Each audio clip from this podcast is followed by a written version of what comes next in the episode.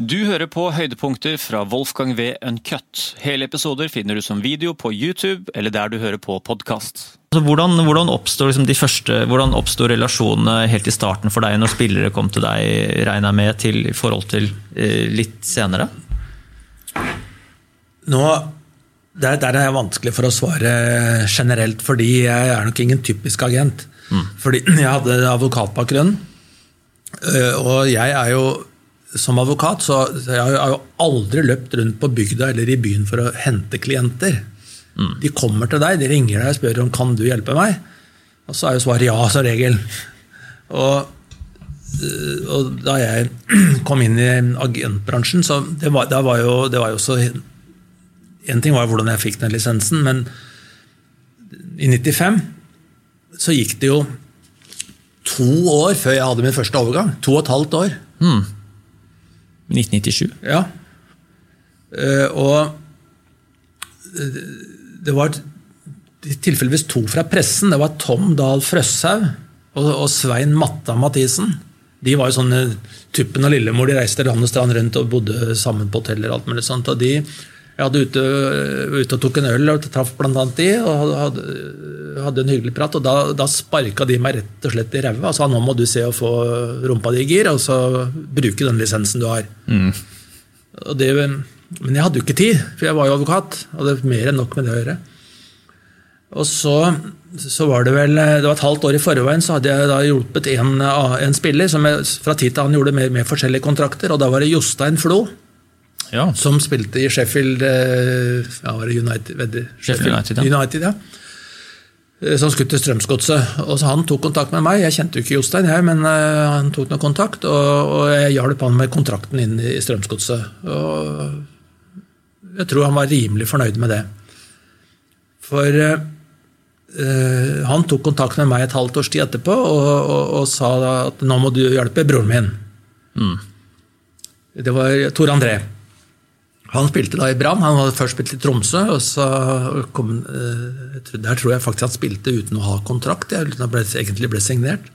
Og så, ja, Tor André han, sånn, han hadde, hadde en sånn eh, angst for å skrive under kontrakter. Åh? Ja. Og likte ikke å forplikte seg? Nei, ja, altså, akkurat hva det var, det gikk vi aldri dybden på, men han vekret seg. Han liksom, ventet til morgen eller se litt mer på det og tenke seg om. Og, Å, ja, ja, ok, være flott. ja, så han ville ha god tid til å Dette skulle være helt sikker på. Fleksibilitet. Ja.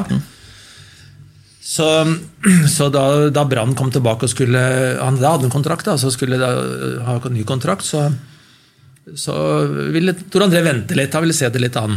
Det, var, det, var, det lå liksom i, i, i genene hans. Så, så var det da Jostein som, som sa at nå må du, Tore, nå må du få deg agent. Og så eh, da, hans, etter, hans nåværende kone, Randi, studerte da på Universitetet her i Oslo og hadde hybel på Kringsjå. Så ble vi enige om at vi skulle møtes på hybelen til Randi og så ha en prat rundt og skulle hilse på Tor André. Og, og Jostein var med. Og Randi var der selvfølgelig. Og så diskuterte vi rundt dette framtida hans, og, og at eh, det kunne bli behov for han, som, så god som han var, til å ha en rådgiver rundt seg. Så ja, dette, jo, det syns Tor André det var eh, det, det kunne hørtes jo interessant ut, det, men det, det måtte han tenke på. Da slo Jostein i bordet. Nei, du skriver. Ja. Så, så vi, vi inngikk en agentavtale, vi. Ja. Der og da. Ja. Og det skjedde jo ikke noe så særlig mye. Vi hadde jo kontakt eh, fremover, men det var, noe, det var overhodet ikke snakk om noe, noen overganger. Det var, dette var en avtale som ble inngått for å være i beredskap. Ha, ha rådgiveren klar, sånn, sånn at de ikke skulle søke etter det i, i en kritisk situasjon. Var litt oppgaven din også å, å skanne etter muligheter og sånt, eller var det bare hvis, hvis det skulle dukke opp noe, så er jeg nei, nei, nei, nei, nei jeg skannet ingenting. Det var bare, jeg skulle bare være i beredskap. Og, og eh, så På dette tidspunktet så hadde jeg knytta til meg en, eh, en, eh, en person som het Terje Simonsen, som, som kartla på en måte mange, mange spillere og klubber, og som førte en slags oversikt for meg. Han hadde en konsulentavtale hos meg. Jobbet ikke på samme kontor, han satt hjemme på, hadde hjemmekontor allerede da. Eh, og ringte rundt. Og, og han hadde via alle kanaler kommet i kontakt med Flora Tallinn. Hvor det var en, der var en, en person, veldig merkelig person, som het Aivar Polak. Jeg tror han eier klubben fortsatt i dag. Han var fotballpresident og eide klubben og var den store fotballpersonligheten i, i, i Estland. Mm. Litt nærmere Mikkel. Ja. Så, så øh, hadde han øh, Han hadde han, Aivar Polak han hadde kontakt med Abrahamovic i Chelsea. Og på den måten så ble Chelsea oppmerksom på Tore André, så vidt jeg har forstått. Og øh, Chelsea hadde brukt en italiensk agent øh, som het Vincenzo Morabito øh, mye. Og han ble koblet på denne saken her. Så fikk jeg da en telefon fra denne Morabito, som, som kjente den nordiske kulturen veldig godt. for Han hadde faktisk jobbet i Volvo, han var gift med en svensk jente. jobbet i Volvo og godt. Han, jeg tror han snakker alle europeiske språk. Ja, hele helt sånn geni på språk. Helt flyttende. Fantastisk og hyggelig person. Eh, Så, så sier han at vi Chelsea vil ha en, øh, gjerne møte Tor André eh, for å presentere klubben. Og ba om et møte, men det måtte skje helt diskré, for Chelsea ville ikke ha noen oppmerksomhet rundt dette her.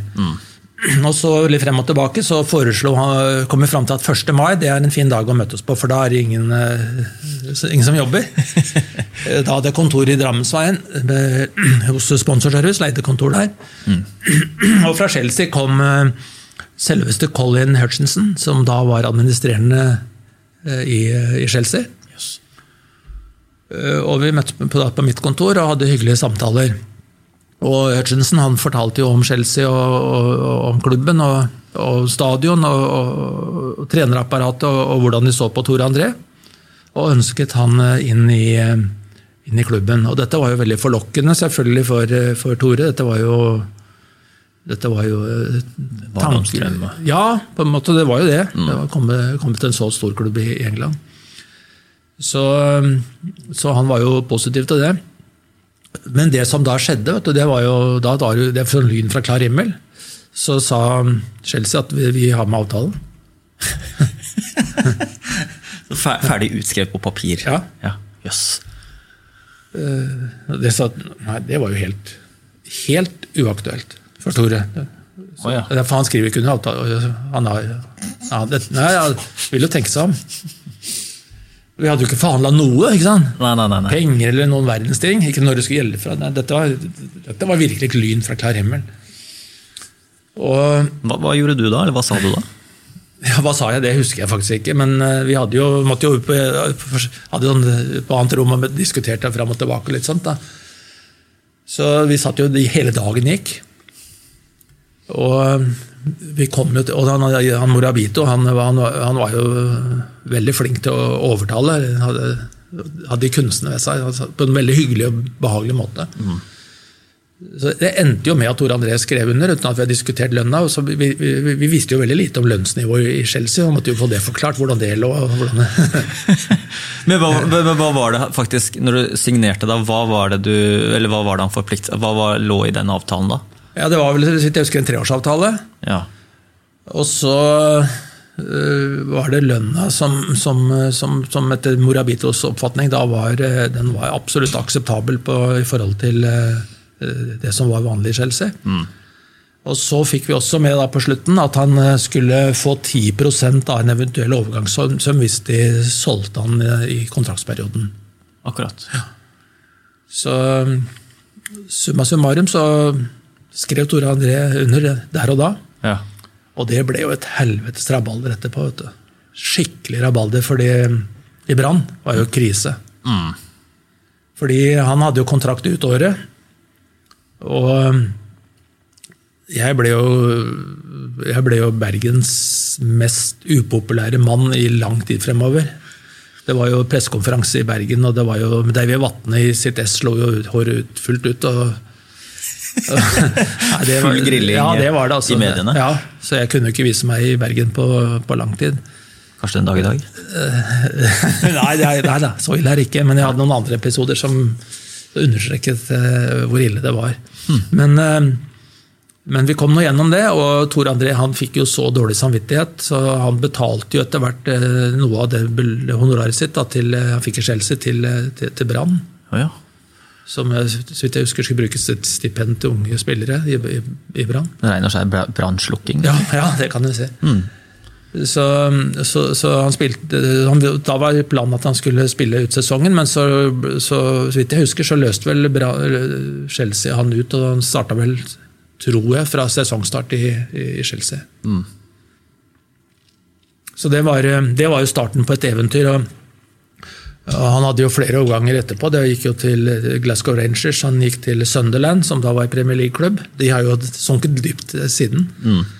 Eh, Var du involvert i de alle, overgangene? alle overgangene til Tor- André hadde jeg. Ja, og, men hvor, kunne vi hoppa tilbake liksom, til forhandle, så gjerne sånn, Kanskje en Chelsea-greia var jo litt spesiell, da, i og med at det ikke var noe det var signering før forhandling. og sånt, Men eh, hvordan, eh, hvordan foregår sånne møter og forhandlinger, og hva gjør du og spillerne av forberedelser? Har dere liksom, altså, og hva har du lært liksom, av forhandlingsteknikk fra møte til møte? Nei, så Vi hadde jo ikke forberedt oss. Det var det, som var det. Enkelt og greit. Nei, det var, nei, vi, nei, det helt, I det tilfellet, ja. ja. I det tilfellet hadde vi overhodet ikke det.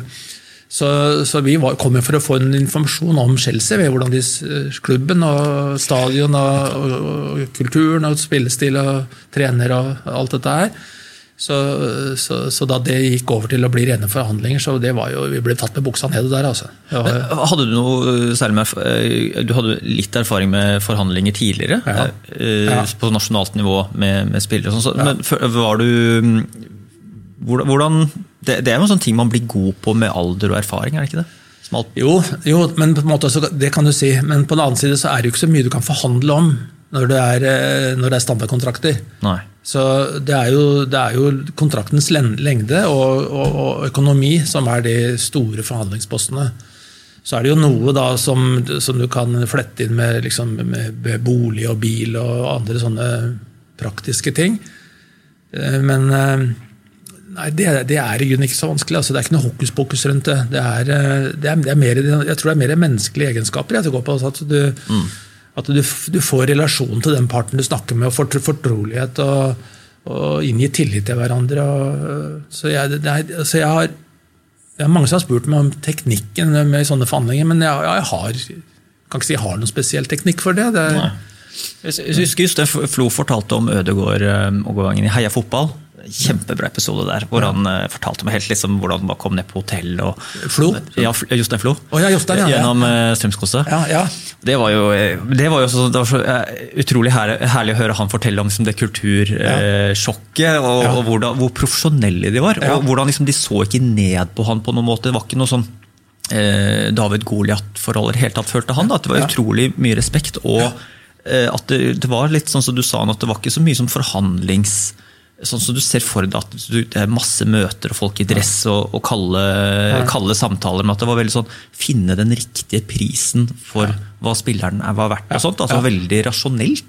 Ja, det er min erfaring også. Det er, det er, det er, det er varme. Altså. Du føler en god atmosfære. Det er ikke noe, sånn, det er ikke noe krig. Tvert imot.